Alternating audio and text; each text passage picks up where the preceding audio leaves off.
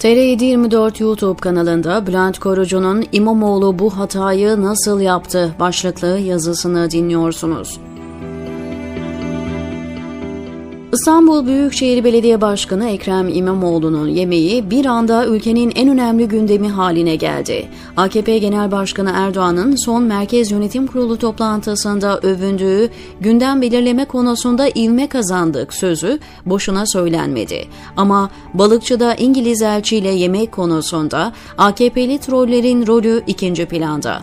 Ekrem İmamoğlu ve ekibi büyük bir iletişim yönetimi faciasına yol açtı. Aslan payı onların.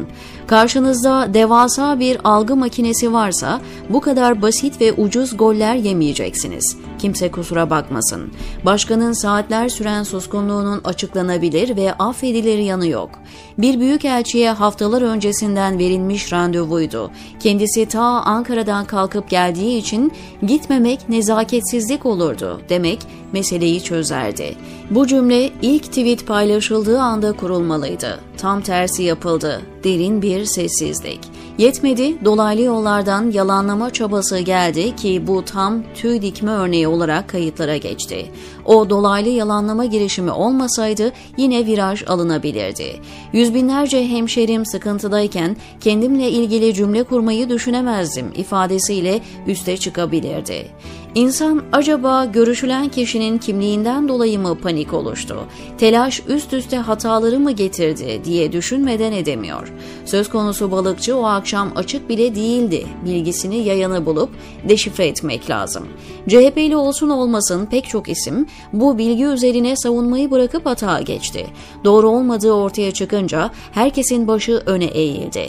İstihbarat örgütleri ve algı operatörlerinin bazı yalanları bizzat yayıp ardından deşifre ettiği ve böylece birçok gerçeği perdeledikleri biliniyor. O iddiayı AKP yaydığı demiyorum. Büyük bir beceriksizlik olma ihtimali daha yüksek. Ancak öyle operasyonlara da hazırlıklı olmak gerekiyor. Olayın başlangıcına dönecek olursak yine hatanın büyüğü İmamoğlu'nda öngörülmeyen bir kriz çıktığında randevular ertelenebilir. Muhatap da bunu anlayışla karşılar. Allah korusun çocuğun kaza geçirse hastaneye yetiştirmek dururken randevuna gitmezsin.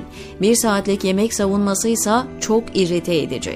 Yönettiğin şehir bu haldeyken yemeğini restoranda yemeği ver, bir sandviçle geçiştir der insanlar. Cümlenin o kısmını hiç telaffuz etmemeliydi.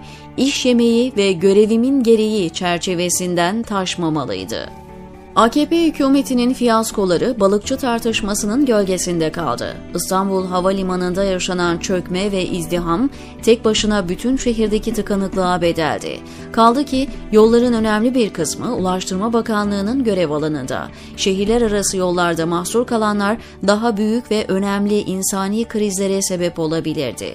Cumhurbaşkanı Erdoğan'ın talimat verip İstanbul'a gönderdiği iki bakanın kapatılan havalimanına inmek zorunda kalması rejimin iflası anlamı taşıyordu. Teknik uyarılara ve doğaya rağmen yapılan havaalanı inşa edilen düzenin de çürüklüğünü ve ilk fırtınada kolayca yıkılacağını gösteriyordu. Muhalefet 5-0'lık maçta kendi kalesine attığı golle yenik ayrılmak üzere toparlanıp sonucu değiştirici hamleler geliştirmek zorunda. İmamoğlu'nun görüntülerinin Mobese üzerinden alınıp servis edildiği iddiası bunun bir ayağı olabilir. Normal dünyada vali, emniyet müdürü ve İçişleri Bakanı'nın kellesini düşürecek bir skandal. CHP hiç olmazsa bu penaltıyı dışarı vurmasa. Adamlar 15 Temmuz günü Genelkurmay'daki toplantıyı bırakıp Suriyeli muhalif liderle çorba içmeye giden MİT Başkanı Hakan Fidan'a kahramanlık destanı yazdılar. Düğünde halay çeken komutanları sorgudan kaçırdılar. Muhalefet bir metre karın altından çıkamadı, diyor Bülent Korucu TR724'deki köşesinde.